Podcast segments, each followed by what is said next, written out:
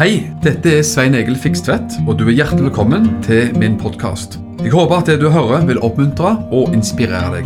Ønsker du mer informasjon om arbeidet i drivet, så kan du gå til mission-alliance.org. Gud velsigne deg. Men, eh, ok, Siste del av Fader vår.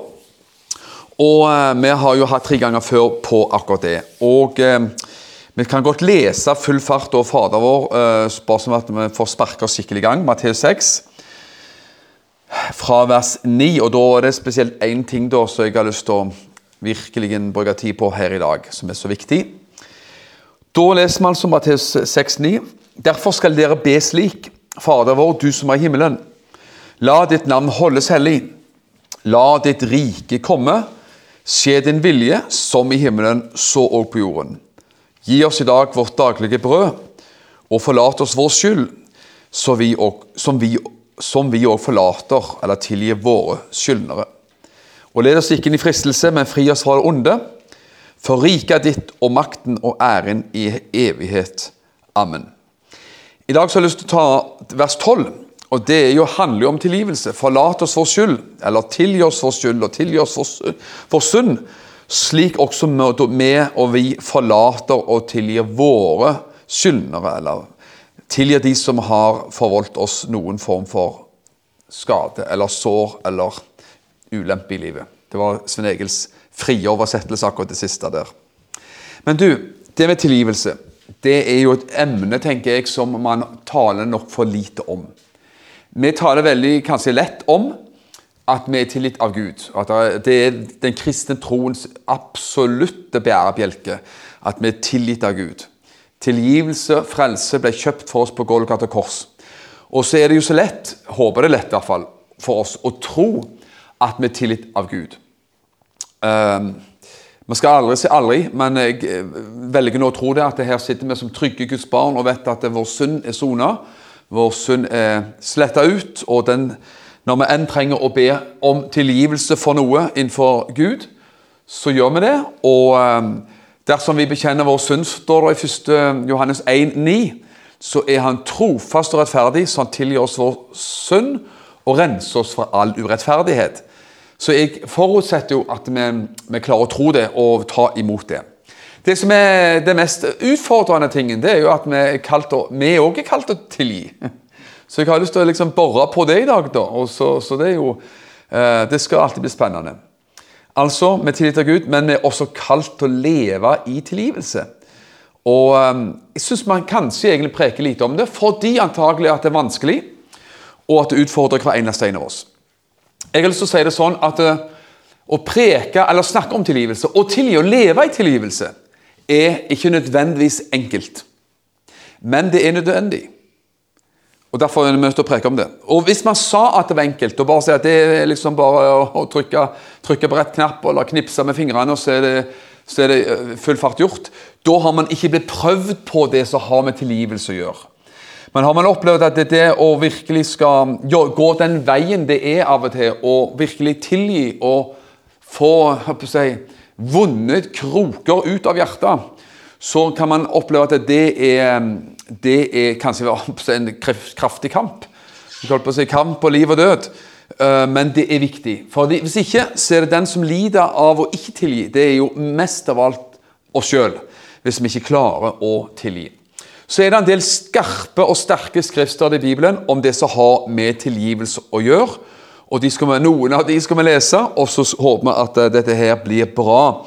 Sånn at det, ikke når man taler om tilgivelse, at det skaper byrder for folk men skape frihet. Skape hjelp. Det er jo det man ønsker. Forlat oss vår skyld, som vi òg forlater våre skyldnere. Det var det vi skulle prøve å fokusere på. 2. Korinterbrev 2.10-11. 2. Korinterbrev kapittel 2, vers 10-11. Sterke ord av Paulus. Han sier Den dere tilgir noe, tilgir også jeg. For hvis jeg virkelig har tilgitt noe, så er det for deres skyld jeg har tilgitt. Den det gjelder for Kristi årsyn. Det var en spesiell sak som handlet om saker og ting og vanskelige ting i menigheten. Og Da sier Paulus har dere tilgitt, så har jeg tilgitt, sier han. Og det er bra. Og så kommer han med litt av en sånn en, eh, utfordrende kraftsalve her etterpå. For at, sier han, vi har tilgitt, sier han. For at ikke Satan skulle overliste oss. For hva han har i sinne, er vi ikke uvitende om. Det er jo en utfordrende ord, det. det hva djevelen altså har i sinne, hva han vil og har av hensikt, det er vi ikke uvitende om. Altså, Vi skal vite om hva stykken sjøl har for planer til enhver tid. Og ut fra det vi leser nå, så vet vi at han har i hvert fall én plan. Det er at vi ikke skal tilgi. Det at vi skal leve i bitterhet og holde ting opp mot uh, folk og holde folks urett, som vi gjerne har gjort mot oss, at vi holder det imot dem. Og, så og ikke klarer liksom å få all disse vondhetene, vondtene og vonde krokene ut av hjertet. Så Paulus sier jeg tilgir for at ikke Satan skulle overliste oss. Og det, ja, De versene taler jo sterkt for seg sjøl. Det første bønneemnet som vi finner i Det nye testamentet, aller første bønneemne som vi blir bedt om å be om, er, handler om tilgivelse, i hvert fall indirekte. Og Jeg skal lese det for deg. Det var Jesus som kom med det i bergprekenen. Mattes 5,44. Det kommer Jesus vet du igjen, eller ja, Jesus da med utfordrende ord. Men jeg sier dere, sa Jesus, elsk deres fiender. Velsign dem som forbanner dere. Gjør godt mot dem som hater dere. Og be for dem som ondskapsfullt utnytter dere og forfølger dere. Nå står ikke det direkte om tilgivelse, men du skjønner jo når det står at vi skal be for våre fiender og be for de som utnytter oss, og gjør godt med dem som hater oss så ligger det liksom en tilgivende og forsonende holdning og ånd i det. Og Det var altså det første bønneemnet vi finner i Det nye testamentet, lansert av Jesus sjøl. Vi er tilgitt av Gud, venner. Det tror vi, og det vet vi så godt. Hvis ikke så har man jo problemer med å tro at vi er Guds barn, men vi er Guds barn, og vi er tilgitt. Vi er kalt å tilgi sånn som Gud har tilgitt oss. Det er så kolossalt viktig. Mattes 18, 21 sier til 35, men vi skal ikke lese så veldig mange vers, men bare noen få, et, et vers og to. Da sa Peter eh, til ham, til Jesus, hvor ofte skal min bror synde mot meg, og jeg tilgi ham? Altså ikke vi synder mot Gud, og Gud tilgir oss, det, det har vi snakket om litt. Men at noen medmennesker synder mot oss, og vi skal tilgi. Og Da foreslo jo Peter da, han tenkte han tok hardt veldig godt i. Så mye som sju ganger, sa han. Så tenkte jeg at det, det, det var mer enn to-tre. liksom. Så tenkte han la oss liksom ta skikkelig kraftig i og imponere Jesus. Så han sa så mye som syv ganger. Så han syntes at det var mye. Men så kjenner vi jo veldig godt hva Jesus sa. Han, Jesus sa til ham ikke så mye som sju ganger, sier jeg deg, men så mye som 70 ganger sju, sa han. Det er jo mye mer. Og man skjønner syv, syvtallet i Bibelen er jo fullkommenhetens tall.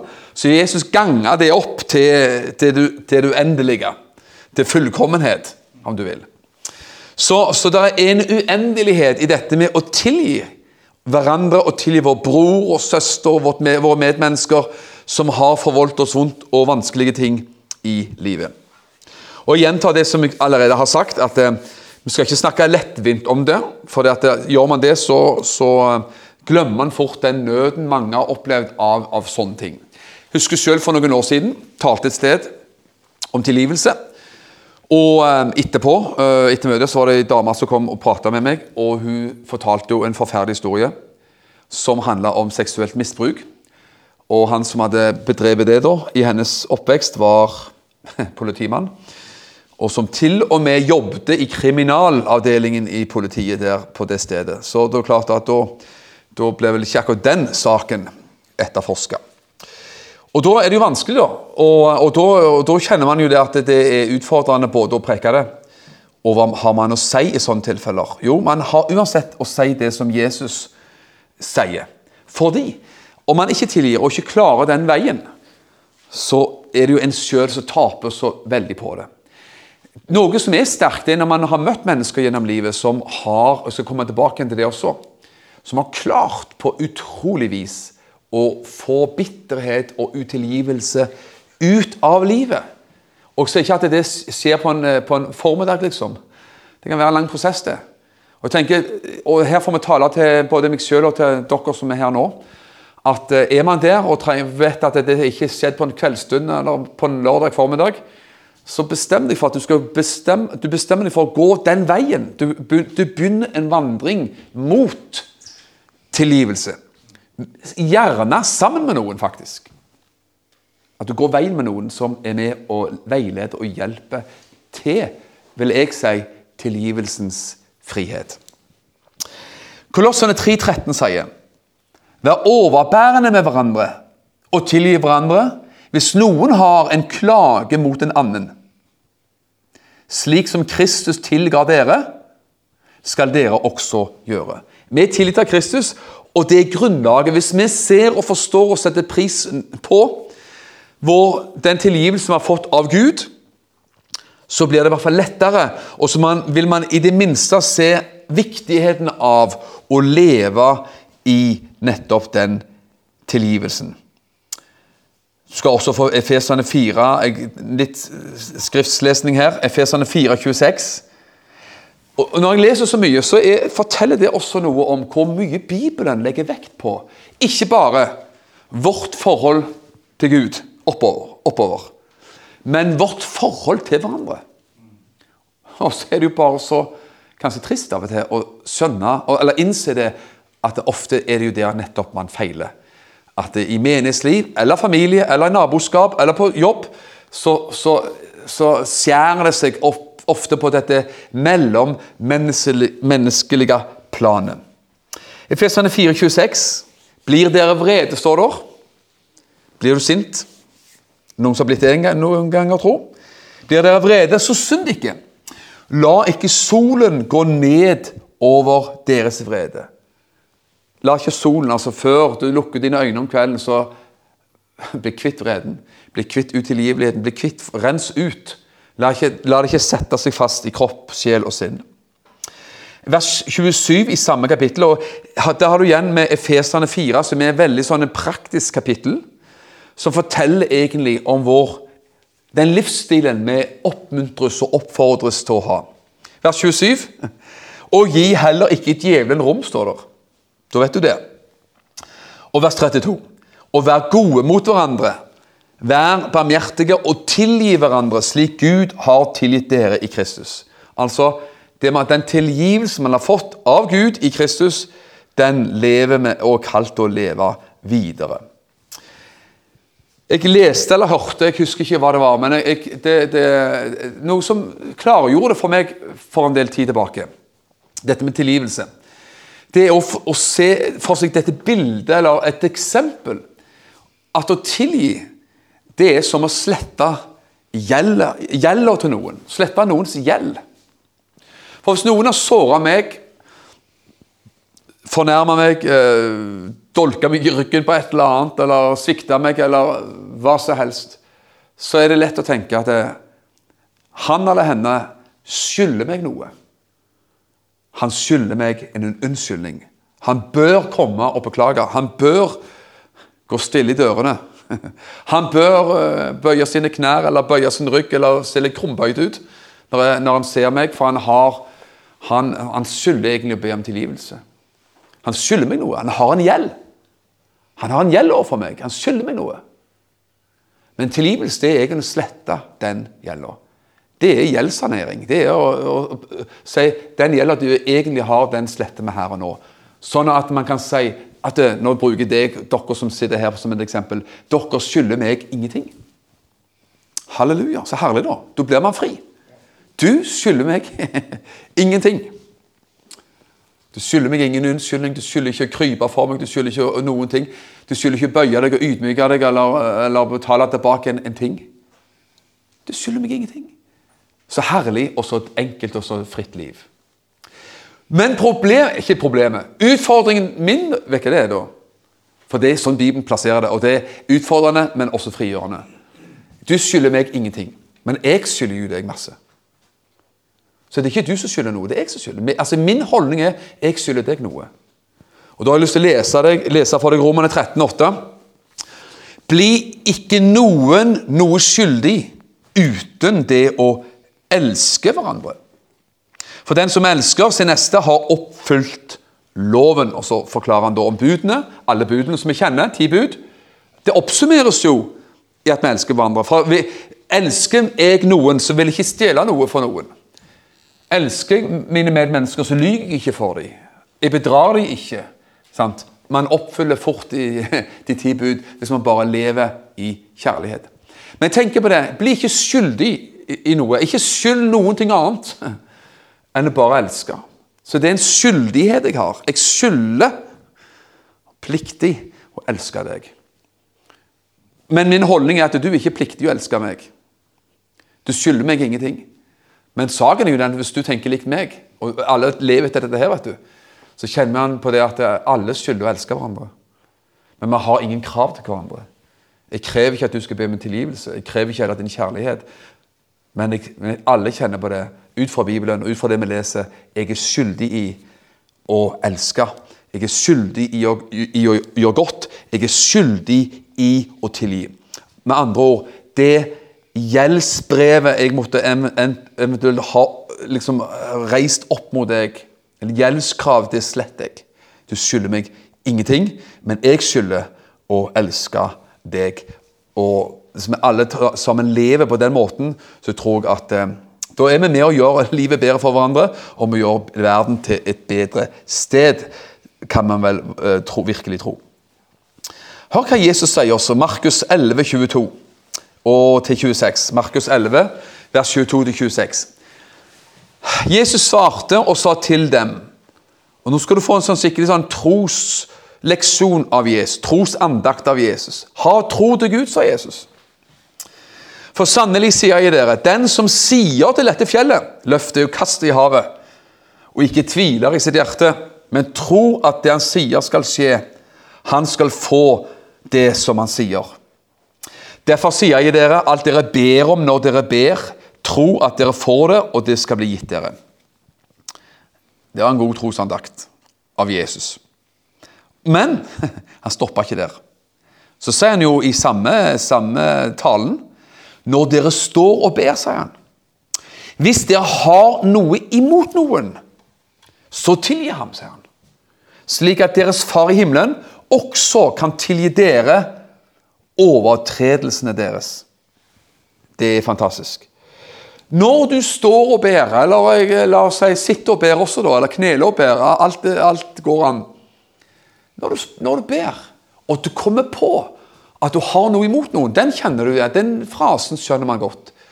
Du kjenner på, Enten du kommer på det i bønn, eller at du plutselig møtte en person i en butikk som du ikke håpte du skulle treffe.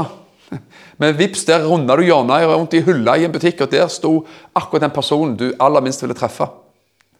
Som gjør at jeg, du får lyst til å snu og snu deg vekk og se opp, se ned, se alle andre veier den du ikke ville møte, som gjør at han eller henne fikk, får, opp, får meg til å slå blikket ned eller se bort, eller vil eh, at kjellerlemmen skal åpne seg, og at jeg forsvinner. Eller så får opp blodtrykket mitt. Eller hva det enn, hva slags utslag det gir. Når du kommer på at du har noe imot noen, da tilgi. Tenk på det. Tilgi. Jobb med det. Personlig kan jeg si at eh, perioder i livet så har jeg faktisk hatt behov for daglig over eh, per, perioder å daglig utbe dette, faktisk. Hvorfor? Fordi at vi trengte det. Og så er Herre, jeg velsigner den og den personen. Daglig ber. Jeg bare ber at det skal gå for han eller henne, for familien, for jobben, og at de skal være friske og de skal ha det bra på alle, alle tenkelige vis. Og jeg bare ber ut velsignelse og godt, godhet og tilgivelse overfor mennesker. Hvorfor? Hvorfor at jeg kjente at jeg trengte det. Og jeg må innrømme det at jeg har trengt å gjøre det gjentagende ganger ofte. Og for visse folk og visse situasjoner gjentagende ganger. Og heldigvis så får jeg vel si at jeg har gjort det i all stahet og i all utholdenhet, helt til man kjenner at det slipper. At man kjenner at man slipper. og man kan teste seg ut på at når du hører noen nevne det navnet på den personen, eller at du skulle nettopp møte den personen da, uanmeldt et sted, i butikken eller hvor som helst, så kjenner du at det gjør ingenting. Han eller henne skylder meg ingenting. Men jeg skylder å si hei og hå. Eller eh, gi en klem, eller hva i all verden man gjør. I disse tider gjør man jo lite av den slags. da. Jeg tenker at det er bare så viktig at du kommer på at du har noe imot noen. Da tilgis, står det. Og at man nettopp gjør det og utøver den tilgivelsen i bønn til Gud. Og taler ut og ber ut velsignelser over mennesker som trenger det. Og så tenker jeg på det skal, skal, skal du få servert en dose egoisme også her, kanskje. Om du og meg ikke gjør det for, for deres del, så kan vi gjøre det for vår egen del.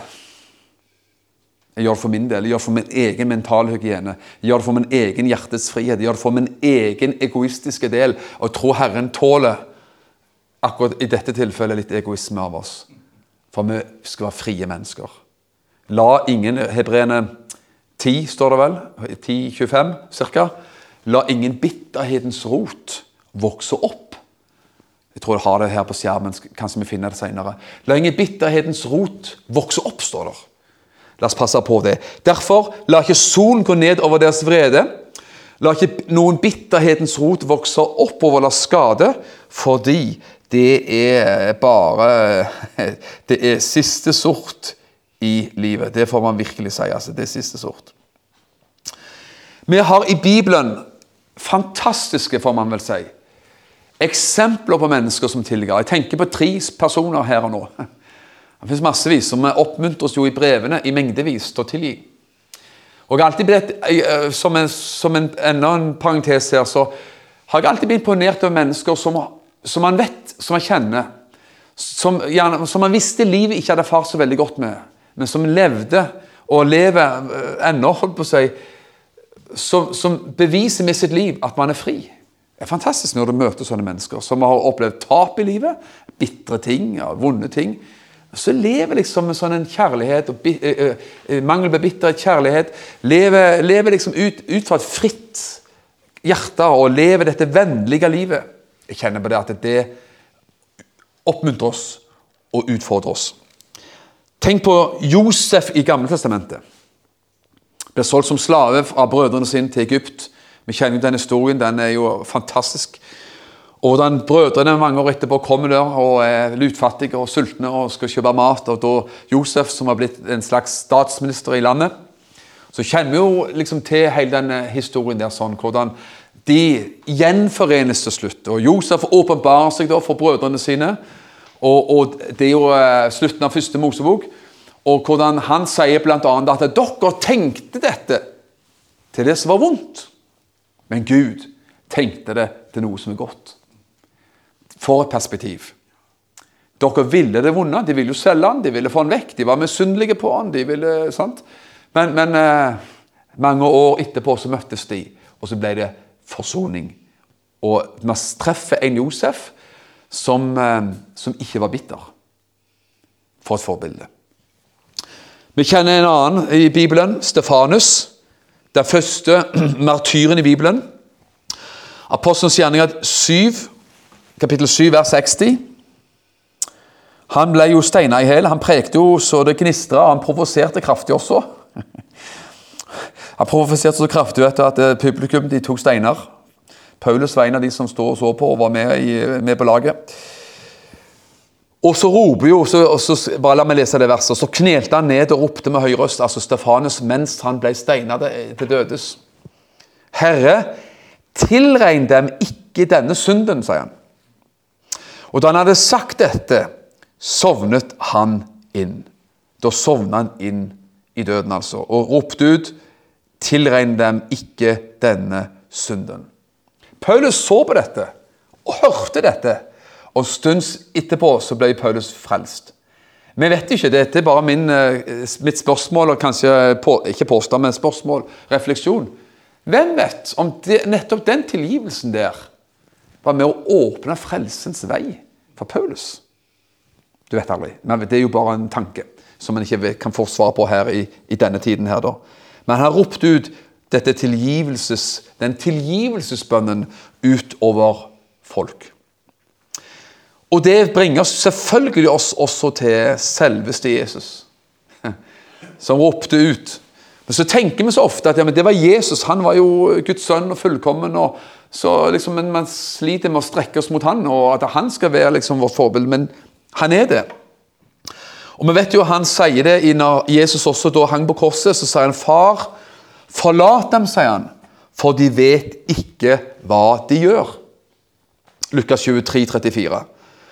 Far, forlat dem, for de vet ikke hva de gjør. Tenk på det.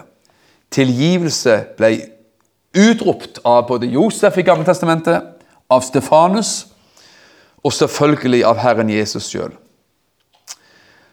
Noen, noen uh, mer eksempler fra vår tid. Eller ja, fra vår tid, uh, noen år siden, da. Men alle av oss kjenner nok historien. Alle har hørt om Corrie ten Boom, hollenderen. Hollandske. De, hun, hun, og hennes familie var jo med å redde jøder under krigen, andre verdenskrig. Og, og De ble tatt, og hun ble, og søsteren ble sendt til konsentrasjonsleir. Opplevde og så grusomme ting opplevde grusomme ting. Kom, hun kom jo ut av, um, ut av uh, Overlevde. Corrie ten Boom, søstera døde vel i konsentrasjonsleir. Var frelst, og etter krigen så prekte hun rundt omkring i verden. Og mye om tilgivelse, for hun uh, følte jo at hun hadde klart å komme over det. Komme ut av uh, bitterheten og, ut av traumene og elendigheten. Og så prekte hun frimodig om dette med tilgivelse. Og så er På et møte i Tyskland så har du prekt på, på møtet, så kommer faktisk en tidligere fangevokter fram til henne i slutten av møtet, muligens etter møtet, og ber, rekker fram hånda og spør om tilgivelse. Be om tilgivelse. Hun husker han igjen, hun gjenkjenner han, og, men han ber om tilgivelse. Da blir det også prøvd, for da er det prekt, for å si det mildt. Og uh, hun gjorde, og forteller, Jeg har det skrevet her, men skal ikke lese det. Men, men uh, hun kjente jo umiddelbart en helt sprø kamp. Syk kamp. En kamp på livet og død i livet. Om hun skal klare å, si, dra fram hånda til denne mannen her og si tilgir. Men det gjorde hun. Og når hun gjorde det, så skjedde jo et mirakel ved at hun ble fullstendig fri og løst, faktisk. Og, og, um, og, For en historie å ha med seg, da, at hun ikke bare prekte om det, men ble prøvd på det og levde det, og vant den seieren i sitt eget liv. Ikke så kjempelenge siden jeg faktisk um, Det er jo fantastisk med YouTube. det finnes så mye. Hun, jo, hun, døde jo for mange år siden, men hun, det finnes jo fine intervjuer med henne på YouTube. Og Du ser jo ei dame som utstråler Eh, Guds herlighet, får man vel si. Virkelig. altså, Så sjekk henne. Ta en liten titt på Corriton Boom altså, eh, snart. For en herlighet og for en, for en virkelig skjønn person som levde dette og ble prøvd på en helt ekstrem måte. Jeg skal få en annen ny, eh, vesentlig nyere historie som jeg leste i Korsets seier for et par-tre år siden. En kar som heter, han heter Jim Roger Pettersen, han karen som jeg leste et fint, fint intervju med. Han var fra taterslekt og fortalte om mange, mange, interessante ting. Men han fortalte også om at tre av hans egne søsken da, han var, han var, sønn av ei dame som ble kalt for Tatermilla. Han var barnebarn av ei som het Tatermilla. Men mora til denne Jim, Jim Roger her, hun opplevde at, at Staten, myndighetene, tok fra henne tre barn mens de var små. Hun hadde mange barn. Og staten kom ved hjelp av denne organisasjonen eh, Norsk misjon blant hjemløse. Som eh, Mye av det er jo en veldig skamplett på, på norsk historie. Eh, dels misjonshistorie, får man nesten si, og rettsvesen osv. Men de kom bare og tok tre av hennes barn. Og hun fikk ikke se de barna deres før det hadde gått 24 år. Kan du tenke deg for en smerte? Er det, det verste som kan bli tatt fra oss, er våre egne barn. Og så gikk det 24 år før hun fikk se disse tre barna igjen. Men så det noe. Hun ble frelst, hun er, eh, hun, denne mora til Jim. Og så sa hun noe, hun heter Sofia Pettersen. Så møtte hun generalsekretæren for Norsk misjon blant hjemløse. og Det var jo en organisasjon som var liksom statens og myndighetens forlengede arm til å være med på en del sånne eh, ufyselige overgrep mot taterne. Men hun sa, hun rekte fram hånda til denne her generalsekretæren, så sa hun bare enkelt 'Jeg er blitt en kristen', sa hun. Så jeg må tilgi, sa hun. Så rekte hun fram og, og avla tilgivelse, utstedte tilgivelse der og da. Det er fantastisk. Tilgivelse. Og jeg tenker jo at Vi leser jo ofte om, om både Josef, Jesus og Stefanus, og det er Bibelens personer. Og, og, De taler sterkt og mer enn godt nok for oss, naturligvis. Men vi har godt av å hente inn eksempler fra nyere tid, der, der man også ser hvordan mennesker forskjellige, i forskjellige situasjoner klarte dette kunststykket og dette mesterstykket å tilgi. Hvis noen har små fornærma deg og meg, så er jo eh, antagelig det en kjapp og smal sak og lett ting å bare tilgi og gå videre.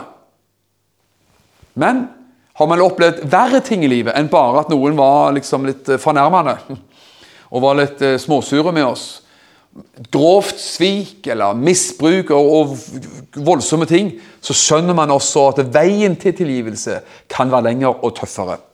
Likevel, av alle grunner, så er det en rett vei å gå. Et sitat som jeg av og til liker å, å, å bruke, som du skal få høre her. og det er jo, eh, Jeg håper han ble, var frelst, ble frelst, uten at jeg, det vet jeg ikke. Men han, hadde, han, han var et forbilde på tilgivelse. Og det var jo Nelson Mandela, Sør-Afrika. Han satt jo 7-28 år på Robben Island i Sør-Afrika eh, fordi at han da kjempa mot apartheidregimet osv. Så sånn. Satt, eh, det, er ganske lang, det er ganske stor andel av livet. da, Sitte 7-28 år i fengsel, i fangeøy, og leve isolert fra omverdenen og fratatt friheten og leve der.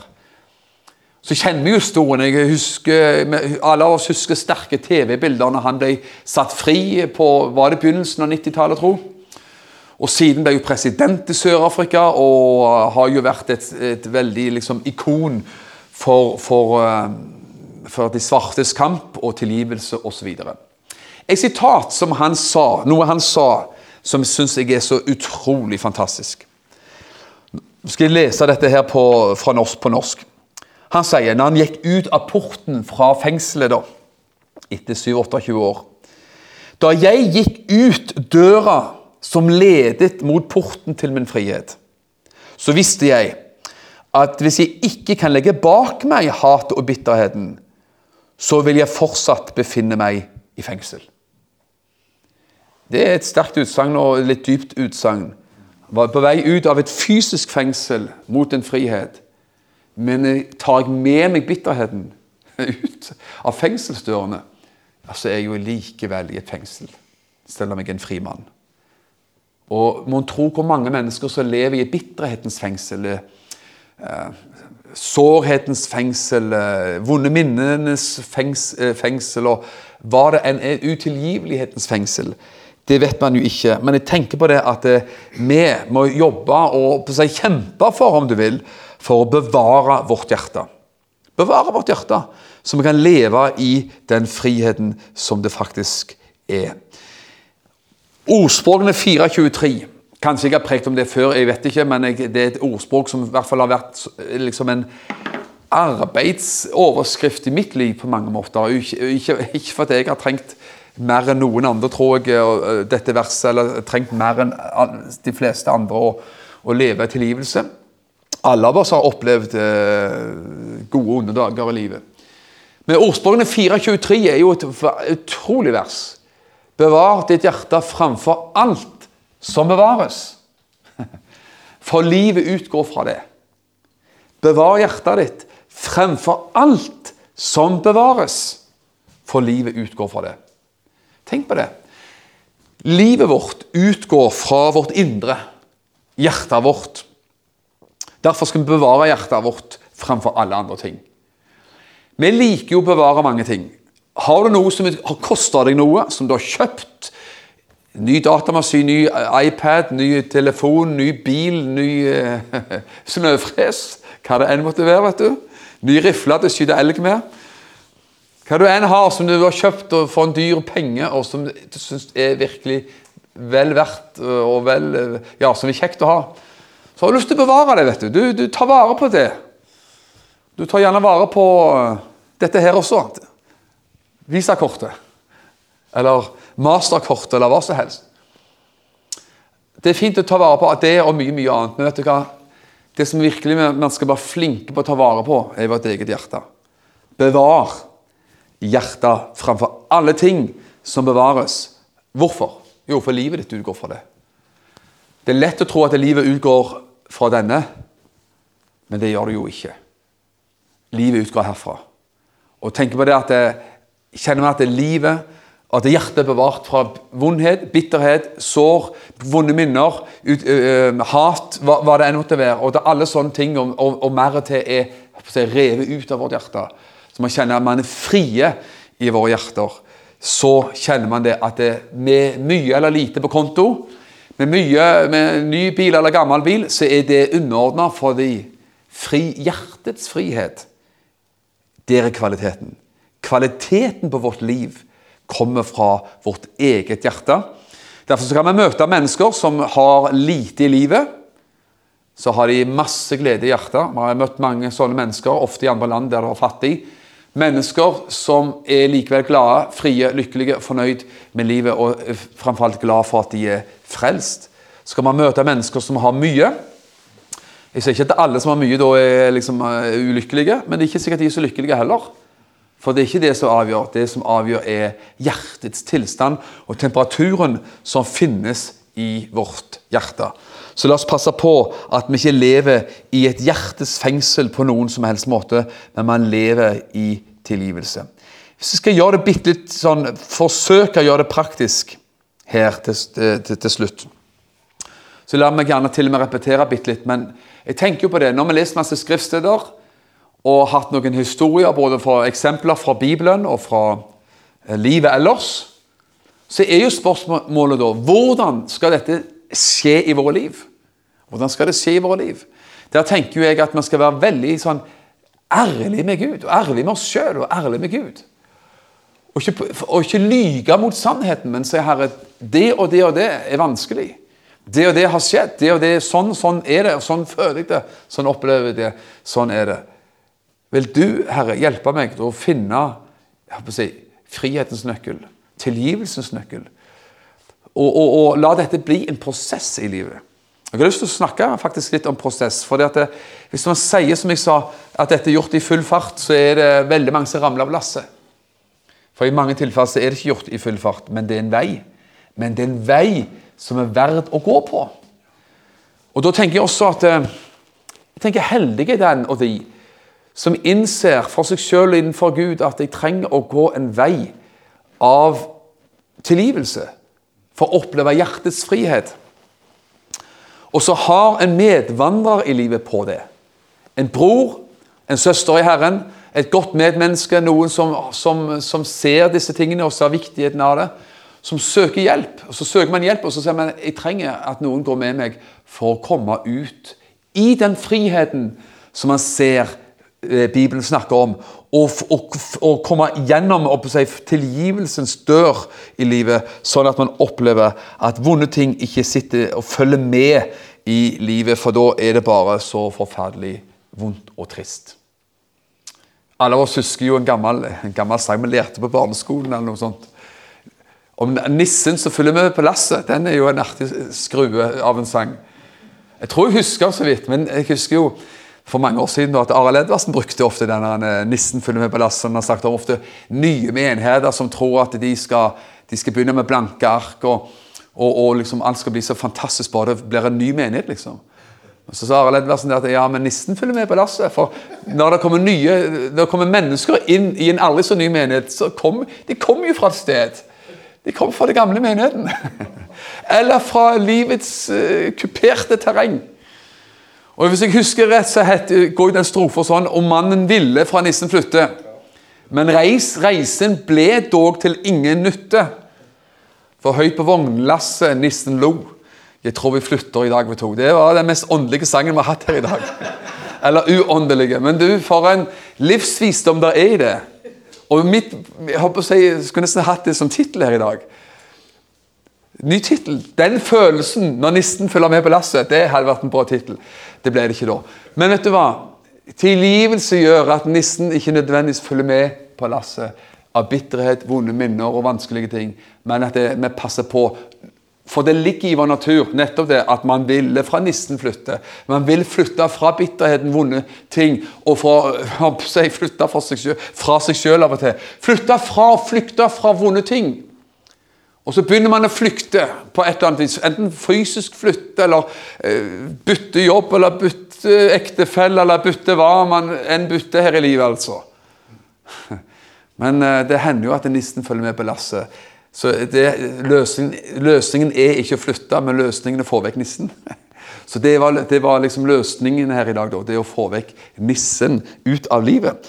Og det tror jo jeg at tilgivelsen er opplegget. At vi sletter gjelda som vi måtte tro og føle at noen har eh, overfor oss. At de skylder oss noe.